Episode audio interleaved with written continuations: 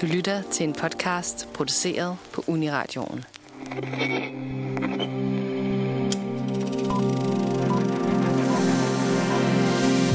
Hvem havde troet, at vi for et år siden, marts 2020, ville sidde her i nedlukningen igen, og uden udsigter til, hvornår den normale hverdag kommer tilbage. Men her på Nosferatu er vi ikke de eneste, der er presset. Også filmproduktionerne er lukkede. Vi skal i dag se på, hvordan pandemien har skabt nye forudsætninger for filmindustrien, og hvordan corona både har betydet udskudte premiere og kreative benspænd i filmland. Du lytter til Nosferatus podcast. Jeg hedder August, og i dag har jeg med mig Nana Nordeskov.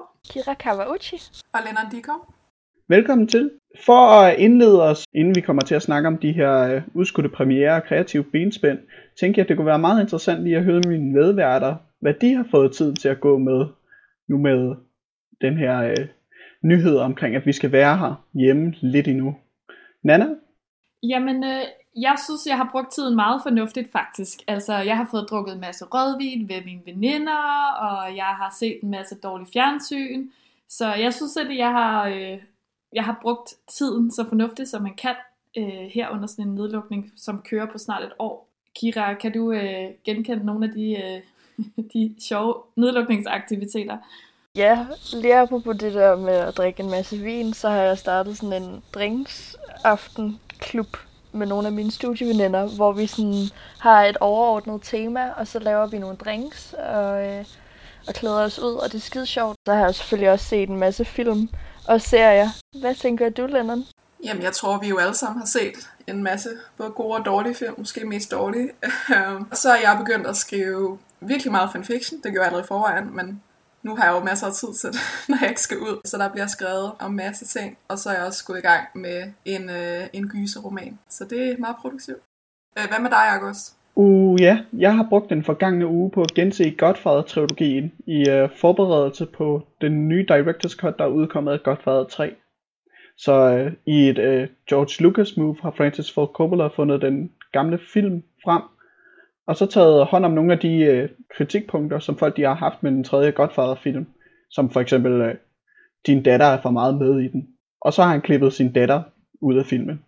Nu genudgiver han den. Altså, det er lidt groft sagt, men det er nogle af de kritikpunkter, der er rettet mod Godfather 3. Så nu glæder jeg mig til at se Godfather 3, The Death of Michael Corleone, øh, efter jeg har set trilogien igen. Ej, hvor spændende. Så på en måde er der jo noget ret sjovt i det her med, at det har været et år, hvor vi faktisk, mange af os har set meget mere fjernsyn, og mange flere serier, og mange flere film, end vi nogensinde har gjort før, fordi vi har været så meget derhjemme. Og samtidig med det har alle filmproduktionerne i høj grad været lukket, i hvert fald dele af året, fordi der har været coronapandemi. Så sådan, frygten for, at vi en dag altså gennemfører Netflix og ikke kan se flere film, den er der reelt nu, i hvert fald for mig. Så det er også noget af det, vi skal snakke om i dag, hvordan man kan lave film under en pandemi.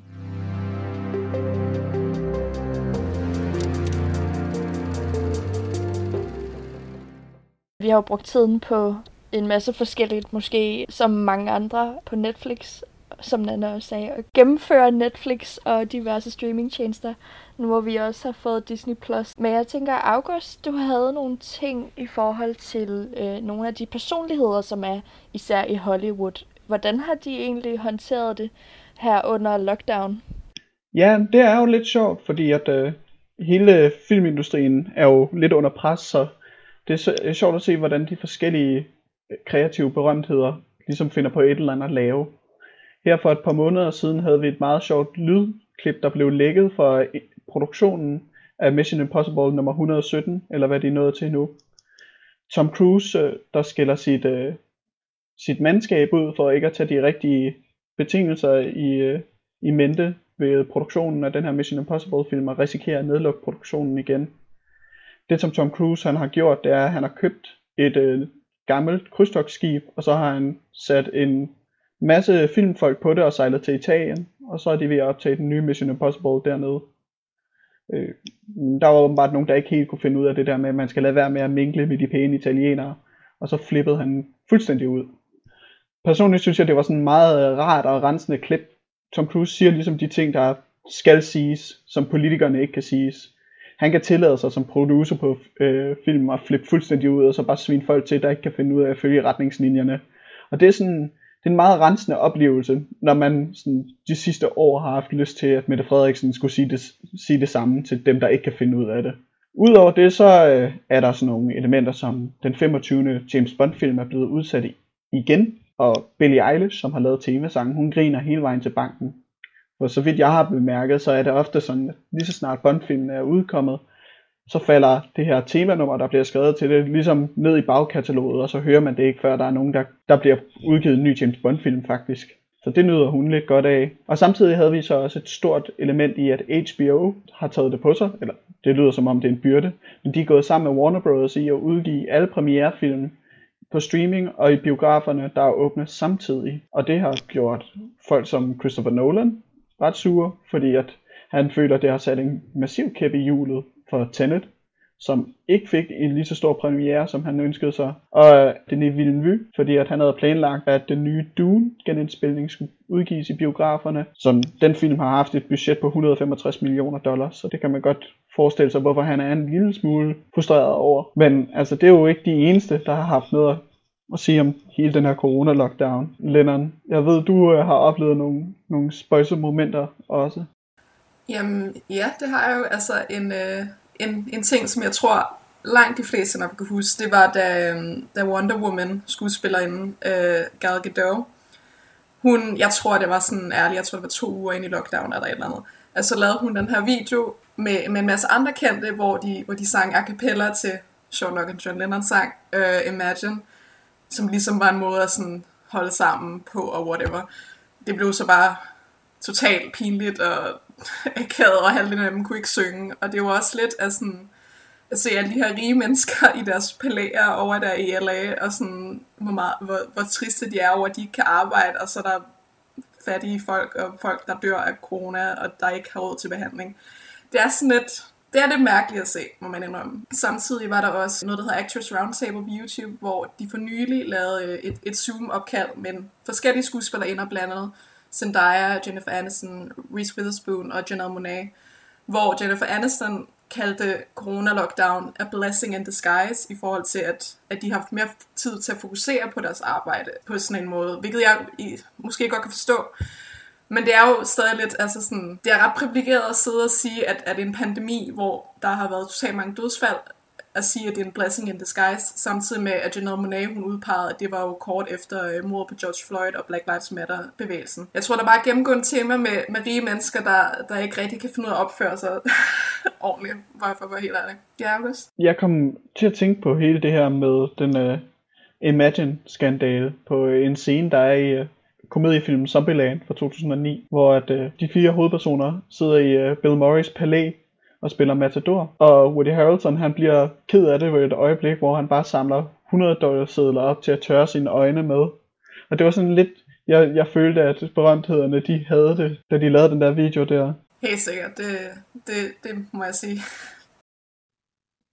Ja, det er sådan en måde at øh, tage patent på smerte, eller tage patent på de problemer, som alle jo har oplevet det sidste år. Altså sådan, at vi er i samme båd. Det er bare sådan, vi er overhovedet ikke i samme båd. Sådan, vi er ikke i det samme, vi der sidder her i det her Zoom-opkald, er ikke den samme båd som øh, Jennifer Aniston over i LA og hendes kæmpe palæ, men vi, altså så, og alle mulige andre er I, heller ikke i den båd, som vi lige tilfældigvis sidder i. Altså så sådan, jeg tror, at det sidste år har ligesom også gjort det meget tydeligt, hvor stor forskel der er på folk, når der rammer sådan noget som en global pandemi.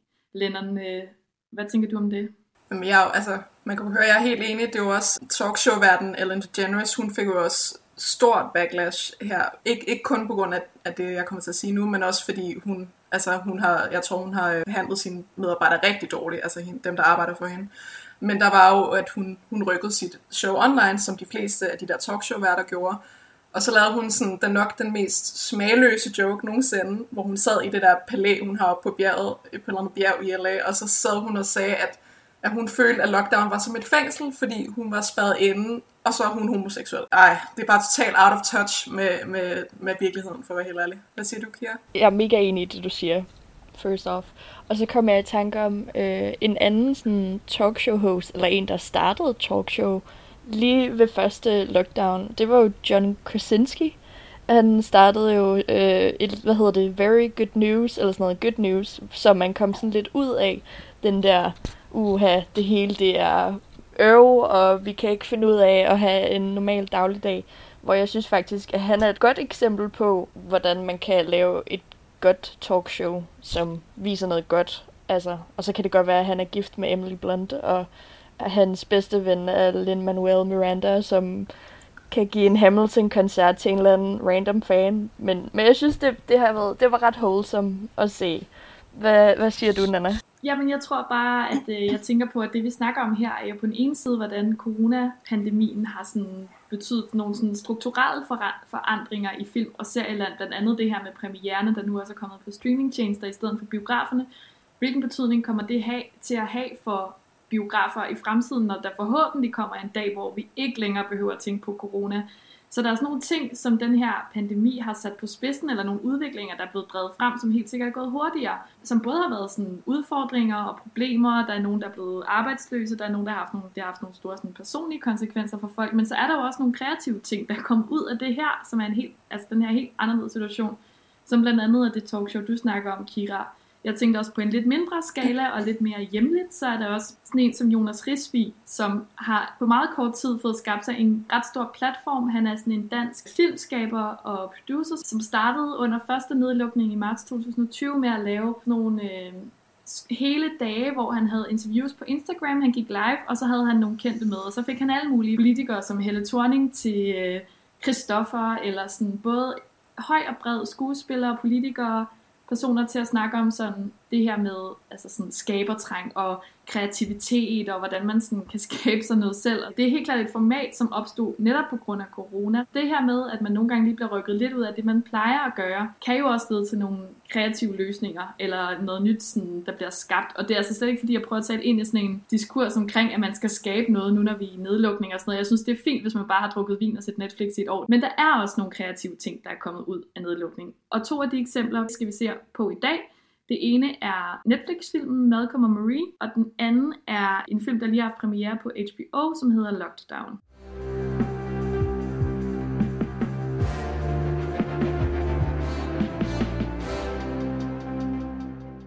Som Nana nævnte, var Netflix-filmen Malcolm og Marie lavet under det her corona-lockdown. Den foregår så godt nok ikke under corona-lockdown, så det er en coronafri coronafilm. Men jeg ved, at du, Lennon, har været meget begejstret for den film. Så vil du ikke sige et par ord om den? Jo, det vil jeg da gerne. Jeg anmeldte den jo faktisk her for filmmagasinet Nosferatu. Det er en meget tricky film i forhold til, at anmeldelserne har været meget blandet. Altså enten så hader man den, eller også elsker man den, har jeg næsten kunne se. Men det handler om øh, her om Zendaya og John David Washington, som spiller det her kærestepar, hvor Malcolm han er instruktør, og Marie hun er en, en tidligere skuespillerinde. Og de kommer så hjem på en filmpremiere på hans film, hvor at de hurtigt begynder at skændes, fordi han brokker sig over anmeldelser over sin film, og så er der nogle, nogle underliggende problemer, hvor størstedelen er, at, at Marie hun er sur på ham, fordi han ikke takkede hende i hans takketale.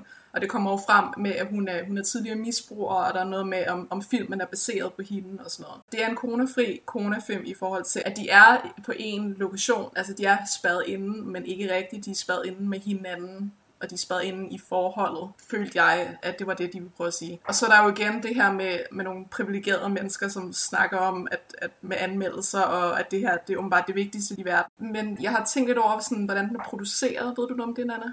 Ja, det er ret spændende det her med, at den var faktisk en af de første film til at blive færdiggjort under nedlukningen. Så altså, måden den her film overhovedet er blevet skabt på, er at Zendaya, som jo også spiller øhm, i Euphoria, hun havde ikke lige noget at lave, og så tænkte hun, prøv lige at høre, Levinson, kan du ikke øh, lave et eller andet til os, så vi har noget at lave, så jeg ikke bliver sindssyg her i nedlukning. Så det gjorde de, og det, der, det de har gjort, det er, at de har optaget to uger i en coronaboble. De har været på en lokation, som er det her ret lækre hus i Kalifornien.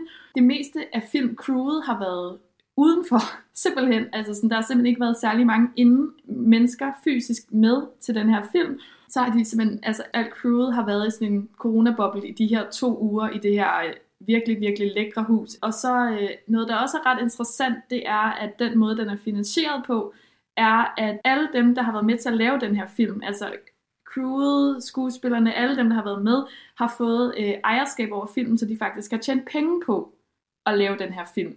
Altså så mennesker, der ellers ikke ville have haft noget at lave, altså som jeg forstår det, er vi helt nede i folk, der har øh, hjulpet til med teknikken og så videre, de har fået penge rigtig mange penge for at lave den her film. Både fordi den opstod som et projekt, og pengenes finansiering i begyndelsen var crowdfundet, eller der var rigtig mange, der var med til at bidrage til at få den her film til at ske, og dem, der så har ture investere deres tid og deres penge i det her, de har så også fået øh, et større ejerskab af det, og det synes jeg faktisk er en ekstremt sympatisk måde at lave en film i den her tid, som er så usikker for rigtig mange, og også usikker for folk, der arbejder i kreative brancher, som for eksempel filmindustrien. Jeg ved ikke, hvor ofte sådan noget her sker, men jeg synes, at det er, sådan, øh, det er et meget godt eksempel på, hvordan corona på en eller anden måde har tvunget filmskaberne til at tænke anderledes, og måske også se det lidt mere i højere grad som sådan en form for jamen, socialt netværk, at være arbejdsgiver på et filmsæt. Det synes jeg, der er meget sympatisk, og jeg tænker, at så mange penge, som der er i film, der kunne man godt øh, i højere grad sådan dele lidt ud af goderne, fordi min fornemmelse er, at det, der er nogen, der skummer flyden på toppen, og så er der er nogle andre. Igen, Lennon, altså sådan, skal vi ikke bare, skal vi ikke bare spise det rige? Hvad siger du? Jeg vil bare komme med en indskudt bemærkning om, at, øh, at den måde, den er, hvad kan man sige, reklameret eller promoveret på os, er jo, er jo specielt, fordi Zendaya, hun postede på på sin Instagram, det var præcis den 9. juli 2020, at det kom totalt som en overraskelse, at hun bare postede det her ene billede fra filmen og skrev Malcolm og Marie i bunden, hvor man ikke engang vidste, om det faktisk var en film. Så det var altså totalt i hemmelighed, at de gjorde det, og det var først for et halvt år siden eller noget, at de, at de faktisk offentliggjorde, hvad det var, de havde lavet. Kira? Jeg troede faktisk, Malcolm Marie var en, øh, sådan en, en parfume-reklame. Jeg vidste ikke, at det var en spillefilm. der gik ret lang tid, før jeg var sådan, Nå, det er derfor. Jeg var sådan, er den ikke udkommet? Men så var det bare en spillefilm. Ej, jeg, jeg kom faktisk lige til øh, at tænke på det der med sympatisk i forhold til at give sine medarbejdere en god løn. Altså, eller at de også tjener penge på filmen på at være med. Det giver mega meget mening i forhold til, at der er credits i begyndelsen af filmen. Altså, hvor du vidderligt ser alle dem, der har været med. Og det synes jeg faktisk var øh, helt vildt fedt at se igen. Altså, det, sådan, det har jeg sgu lidt savnet fra nogle af de der gamle film, at alle, der er med, også fordi det er ikke et særligt stort crew i forhold til hvilken som helst stor Hollywood-film. Altså, de alle sammen får noget recognition. August, havde du noget, en kommentar, du lige ville knytte til det? Ja, jeg vil bare knytte en kommentar til det, som Lennon sagde omkring den. At den her film, den har fået en meget blandet modtagelse. Sådan ikke som i, at den har været decideret lunken, det har den også, men mere at anmeldelserne har afspejlet sådan en, enten et dybt kærlighed til filmen, eller sådan en had med en brændende passion. Så jeg tænkte bare, at det kunne være sjovt, ifølge af det, som Nana sagde, at tænke, øh, eller høre Lennon omkring, hvorvidt øh, den her film er sådan dårlig eller god som et produkt af betingelserne, den er lavet under, eller er det bare fordi, at det er Sam Levinson, der ikke kan skrive en film, eller godt kan skrive en film? Jamen, det er jo sjovt, fordi jeg er jo, jeg er jo i minoriteten i dem, som, som rigtig godt kan lide den her film. Øh, jeg gav den, kan jeg godt afsløre, seks stjerner på Nosferatu. Hvis jeg kigger tilbage på den, havde jeg måske taget den en stjerne ned. Jeg er meget stor fan af Zendaya, jeg er meget stor fan af Euphoria, så jeg tror måske påvirker mig lidt i forhold til min, min forudindtagelse. Jeg synes stadig, den er god. Jeg tror bare, hvis man kigger tilbage på den, så er der det her med, at det er to privilegerede mennesker, der bare går og skændes som alle mulige ligegyldige ting. Og de kommer ind på noget med, med Black Lives Matter og, og, og andre emner, men, men det er sådan lidt det virker bare lidt ligegyldigt i længden at se den, og især når den, når den er undskyld, når den er så fucking lang. Altså det er sådan, den føles bare ret overdrevet. Og det er faktisk sjovt, at, at Kira, du sagde, at, at du troede, det var en parfumereklame og ikke en rigtig film. Fordi jeg fandt faktisk et par sjove letterboxd anmeldelser. Det er sådan en app, hvor man kan anmelde film. Så jeg tænkte, at måske, om det er okay, at jeg læser et par, par de sjove for jer. Og den, der mindede mig om Kias uh, kommentar, det var en, der skrev, at, at det er uh, Calvin Kleins marriage story. oh my god, det er så rigtigt. Fuck, det er sjovt. Der er en anden, der har skrevet, uh, at den er så god, hvis du har den på lydløs. så den er lidt hård. Øh, så der er en, som faktisk er en god anmeldelse, men der har de skrevet, Jesus Kristus, kan ikke bare gå i seng og diskutere det dagen efter, hvilket er rigtigt. Altså, det er så ligegyldigt. Det er sådan lidt blandet anmeldelse, må man sige. Hvad siger du, Nana? Jamen, jeg synes bare, det er så godt set, at det er en, en parfumereklame. Det er en øh, halvanden time lang parfumereklame, eller hvor lang den nu er. Det er en total chic film. De bor i det her lækre hus. De er så lækre. Marie går rundt i den her fantastiske kjole men det er også en film, der er meget forelsket i, at den godt ved, hvor chic den er. Den måde, sådan, den er filmet på, altså apropos det her med, at filmcrewet har været udenfor og filmet ind, der er rigtig mange skud, hvor man sådan kigger ind, og det er jo meget nedlukningsagtigt det her med, at vi sidder indenfor, og nogen kigger måske ind ad et vindue, eller du ved. Men den er lidt forelsket i husets arkitektur og de muligheder for sådan skud, det giver. Den er lidt forelsket i, at vi ser Malcolm danse rundt ind i stuen til noget fed musik, og sådan se ham være glad for sig selv. Jeg tror bare, jeg synes, den var lidt forelsket i sit eget udtryk, og så det her med, at det her skænderi blusser op og kører igen og igen. August, jeg tror, det var dig, der sagde det før, at det er faktisk bare det samme skænderi på mange forskellige måder. Det er sådan en film, der er lidt forelsket i sig selv og sit eget udtryk, synes jeg. August, er du enig med mig i den øh, lidt hårde analyse?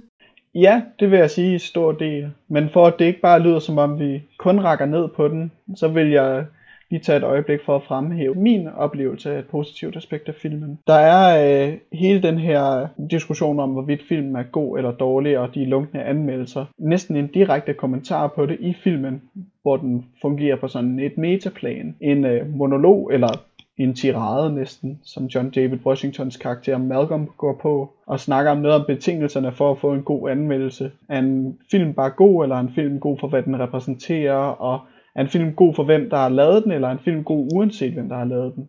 Det synes jeg var en, en meget, meget stærk scene i hvert fald. Nana, du har et svar? Ja, jeg vil bare sige, jeg lagde også mærke til den dialog, fordi den er jo, altså en af de grunde til, også gør filmen en lille smule svær for mig, det er, at de har intellektuelle diskussioner om filmkunst og anmelderi og identitet og identitetspolitik. Og der har han nemlig den her egentlig ret interessante monolog omkring anmelderi, hvor jeg da godt kunne føle mig lidt ramt. Vi sidder jo alle sammen her blandt andet og skriver anmeldelser. Men jeg synes faktisk, vi skal høre et klip. Vi skal, jeg synes, vi skal høre den scene. Her kommer klippet.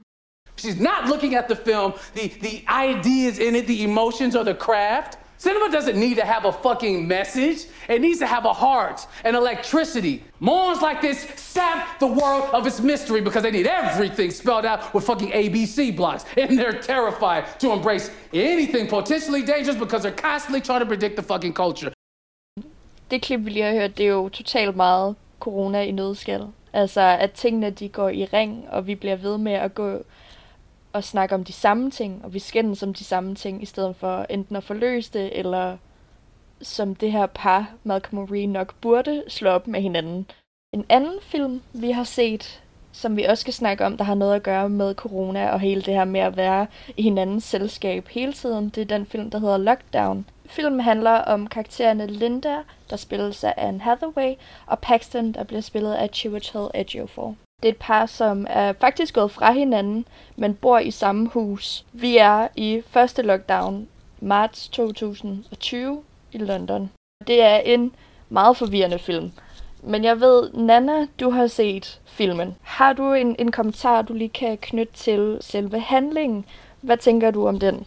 Jamen, altså, det er jo en film, der modsat Malcolm og Marie faktisk handler om corona, og den sådan stemning, der var der i starten, hvor man var ved at blive sindssyg over, at ens normale hverdag var blevet taget fra en, og man også var lidt usikker på, hvad der skulle ske og sådan noget. Men ligesom Malcolm og Marie, så har den det her lidt sådan teateragtige film med sådan et meget lille cast. Altså vi følger primært Linda og Paxton, og så foregår den meget i realtid. Det vi får at vide om tiden før filmen, det får vi at vide gennem små sådan replikbider. Vi skal sådan ligesom selv finde ud af det, og der finder vi så ud af, at Paxton han har været kriminel i fortiden, nu arbejder han for et flyttefirma, og Linda arbejder for et eksklusivt smykkevirksomhed, og hun hader egentlig sit arbejde. Og så handlingen, den tager mange forskellige slag, fordi det er både lidt sådan et parforholdsdrama om et par i opløsning, som måske, måske ikke finder hinanden i løbet af den her handling, det er også en fortælling om nedlukning, og så er der også en kubfilm. Fordi der er en kostbar diamant, som skal flyttes fra Harrods, som er det her eksklusive stormagasin i London, til en øh, anonym køber i New York. Der rammer Linda og Paxtons verdener så hinanden, fordi Paxton han skal flytte og transportere diamanten, og Linda skal hjælpe ham. Og så fordi det er nedlukning, og folk er skøre, så skøre, som man troede, man ville blive to år inde i nedlukningen. Nu er vi et år henne, og nu ved vi godt, det bliver meget, det bliver meget vildere end de første to uger. Så beslutter de sig for at stjæle diamanten og beholde pengene selv og breake fuldstændig med det liv, de havde før. Og det hjælper selvfølgelig også på deres skræntende parforhold. Faktisk er nedlukning og lockdown fuldstændig præmissen for, at det her plot det kan fungere, fordi det er nedlukningen, der gør, at de bliver sindssyge af hinanden. De går i det her hus. Altså det er ikke derfor, de slår op, men det er sådan det, der ligesom bliver sådan trykkogeren, der gør, at det uigenkaldelige øh, er forbi, og de får sagt nogle ting til hinanden, som de nok ellers ikke ville have sagt, fordi de havde kunne gå udenfor og finde på noget andet, så er det også corona, der gør, at det overhovedet er muligt at stjæle den her diamant, fordi at man ikke må være så mange sammen. Så sådan helt lavpraktisk, så ender det med, at de eneste to, der er til den her diamant overlevering, er Linda og Paxton. Og det var jo aldrig sket under andre omstændigheder, så på den måde er sådan corona, det er meget centralt integreret i plottet, hvilket jeg egentlig synes er meget fint. Men det her sådan lidt fragmentariske og meget sådan øjebliksagtige indtryk, man har af filmen, hvor man også lidt har fornemmelsen af, at man ser flere film i en, det skyldes også helt klart de produktionsmæssige omstændigheder, hvor øh, instruktøren, som hedder Doug Lyman, som blandt andet har instrueret Mr. and Mrs. Smith, han fandt på ideen til den her film sammen med manusforfatteren Steven Knight, der blandt andet har skrevet og skabt Peaky Blinders i juli 2020, og de satte det benspænd, som skulle være, at filmen skulle være eksekveret senest september 2020. Så altså, det er meget hurtigt i forhold til de sådan, omstændigheder, man normalt har omkring sådan nogle her film af den her størrelse. Noget, jeg synes, der er ret sjovt sådan filmisk, det er, at de bruger Zoom-kald, ligesom det, vi sidder på lige nu. Og de begrænsninger og muligheder, der er, når man snakker med nogen over Zoom. For eksempel, hvis man har en samtale, som man synes bliver lidt svært, så kan man bare logge ud af mødet, og så er man væk. Eller man kan komme til at presse ind i et Zoom-rum lidt før man egentlig skulle, og så hører man måske noget, man ikke skulle have hørt. Udover to hovedkarakterer, så er der også nogle biroller, som også er andre kendte.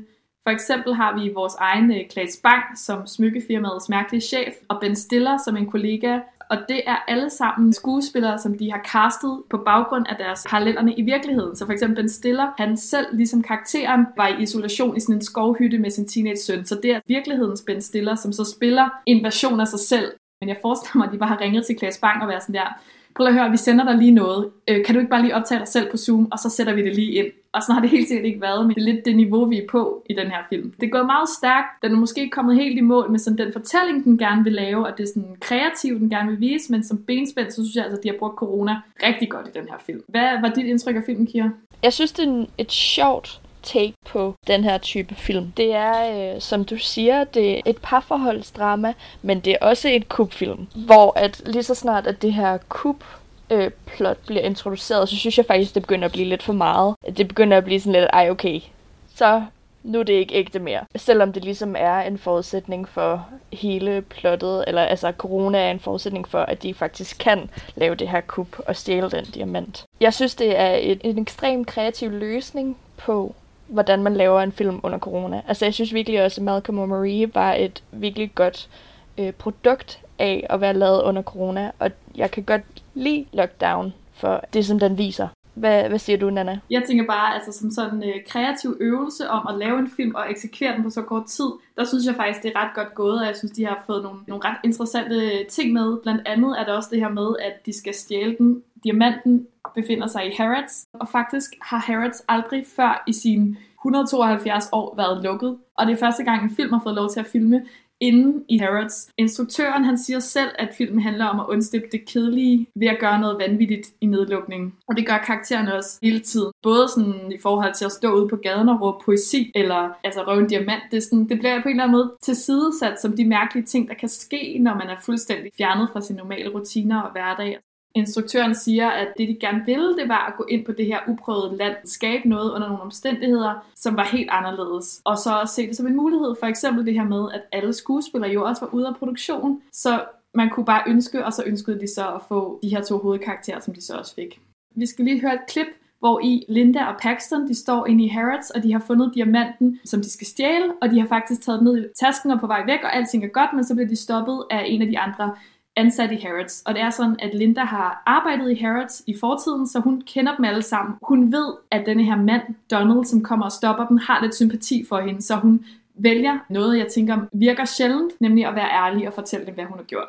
I only came here tonight because I was worried about you, Linda. I don't give a fuck about Miracle, their fucking diamonds. I don't care about that. I want everything to be stolen. I will lie for you, Linda. Because this is my moment fucking do something! Noget, jeg havde det sådan lidt med den her film, og når man hører det her klip, hvor den her mand, Donald, han endelig siger, det er, alting er unormalt, alting er fucked up, så fuck det hele, og stjæl diamant, I don't even care, altså sådan, på en eller anden måde bliver lockdown en undskyldning for at gøre noget crazy, for eksempel at stjæle en diamant og ride i solnedgangen, hvor man endelig har genfundet sin kærlighed til den mand, man har boet sammen med i 10 år, og haft det sådan helt vildt liv på steg, og så kom nedlukning, og så gør man noget vanvittigt, og stjæler en diamant til 3 millioner pund. Og det er han med på ham her, Donald. Han siger sådan, at jeg vil ikke engang have penge, jeg vil bare have eventyret. Jeg vil bare, altså, all bets are off, you go, gør jeres ting. Det jeg tænkte, da jeg så den, det var så bare, at, at jeg havde det lidt sådan too soon. Det er for hurtigt at begynde at lave en film på den her måde, der behandler nedlukning på den her måde, fordi at nu er vi et år inde i nedlukning, og vi ved godt, at der ikke sker alle mulige crazy ting.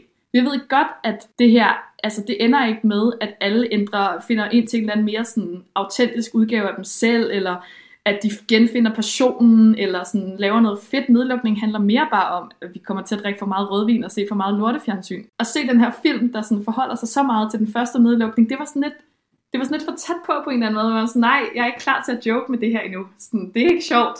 Kira, havde du det på samme måde? Ja, fuldstændig. Og jeg har, der har jo også været utallige serier om, og dokumentarer om det at være i lockdown. Og jeg synes, det har simpelthen været så uinteressant, fordi jeg lever det. Jeg lever jo igennem et lockdown, og jeg er indespærret.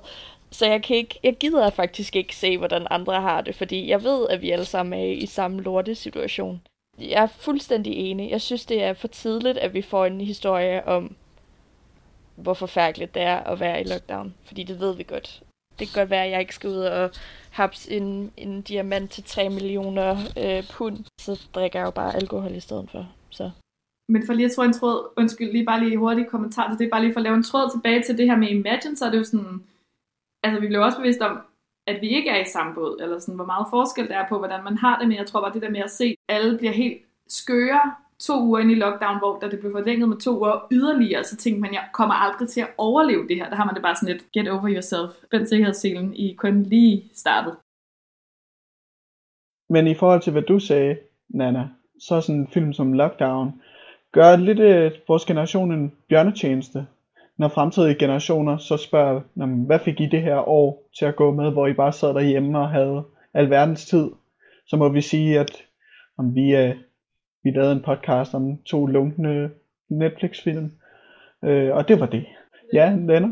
Jamen det, det er jo, altså, det minder mig også om det, om et, et tweet, der ligesom cirkulerede sådan, igen i de første par uger af lockdown, hvor der var en eller anden person på Twitter, der sagde sådan, Shakespeare han skrev King Lear during the plague, så du kan gøre alting, og det er sådan, hallo, okay, jeg sidder ikke og skriver King Lear eller Hamlet, altså jeg sidder bare og ser alle mulige underlige ord, der sover mere, altså sådan, jeg tror, der var en grænse, hvor det kom til at blive, det blev sådan et sådan skyld, skyldkulturagtigt, sådan, hvis du ikke er ved at skrive det næste store skuespil, eller teaterstykke, eller whatever, altså så laver du ikke nok. Og der, der er nogen, der bare har bare lyst til at farve deres hår, eller strikke en sweater, og så gør de ikke andet. Og det er jo også, altså, du er nok. Hvad siger du, Nana? Jeg tror bare lige præcis, det er det, du siger der, det der med, at i begyndelsen af første nedlukning sidste år, der var der den her med sådan, okay, det er nu, vi har, vores stressede job er, vi skal bare være derhjemme, så sådan der, find på noget fedt, mand. Bliv en mere autentisk version af dig selv. Lav noget kreativt. Skriv et gigantisk stykke, som folk kommer til at snakke om om hvad, 500 år eller sådan noget. Altså sådan, altså, og nu er vi mere bare sådan, prøv at høre, hvis du har brug for rødvin til morgenmad, og det er det, der får dig igennem, så gør det sådan der. Hvis du har brug for at binge sådan det værste lort, der nogensinde er produceret, gør det. Der er ikke nogen, der forventer af dig, at du bliver en bedre version af dig selv, når du kommer ud af det her. Hvis du bare kommer igennem med nogenlunde sådan mental overskud, så har du klaret det så flot. Lennon. Er det, hvis du bare bruger for at bage surdagsbrød hver dag, så er det okay? Altså sådan... Det er okay. Sådan, fuldstændig, ja. Jeg tænker, der er noget meget godt frisættende over det her med, at vi ikke forventer os selv, at vi bliver en mere autentisk version af os selv. Som det sker for de her karakterer i filmen, der ligesom bliver sat fri i det her røveri, og de ender selvfølgelig med at få passionen tilbage i deres forhold, og ja, ride ud mod solnedgangen på en motorcykel. Og godt for dem. To film, hver udgivet på streaming services.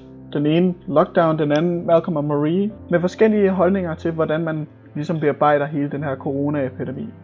I hvert fald Lockdown Malcolm og Marie mere som et produkt af at have for meget på tid på hænderne, og det andet, Lockdown, som en decideret stillingtagen til, hvad man kunne få tiden til at gå med, hvis man lige fik lyst til et mindre juveltyveri. Du har lyttet til Filmmagasinet fra på Uniradioen. Du kan lytte til alle vores podcasts inde på Spotify eller din foretrukne podcast-app. Du kan også gå ind på nosradio.dk og læse vores anmeldelser. Vi har det nyeste på streaming, nu hvor vi ikke kan få lov til at gå i biografen. Og du kan også se det hele på vores Instagram og Facebook. Og du kan selvfølgelig også lytte til de andre podcasts, som er der på Uniradioen. Tak fordi I lyttede med, og pas på hinanden derude.